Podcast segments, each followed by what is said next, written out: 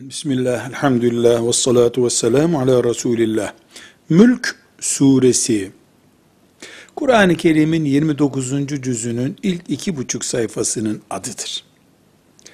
Her gece yatmadan bu sureyi okuyan, o suredeki mülk kanunlarına, Allahu Teala'nın kullarına e, tavsiye buyurduğu şeylere uyan, yani iman ederek, ruhuna sindirerek okuyan bir mümine, Mülk suresinin şefaat edeceğine dair Tirmizi'de, Ebu Davud'da, İbn Mace'de hadisi şerif vardır. Ne demek hadisi şerif var? Resulullah sallallahu aleyhi ve sellem böyle bir müjdede bulunmuştur. Mülk suresi şefaat eder. O şefaatle mümin kabir azabından kurtulur. Rabbinin cennetine kavuşur. Biiznillahi Teala. Velhamdülillahi Rabbil alemin.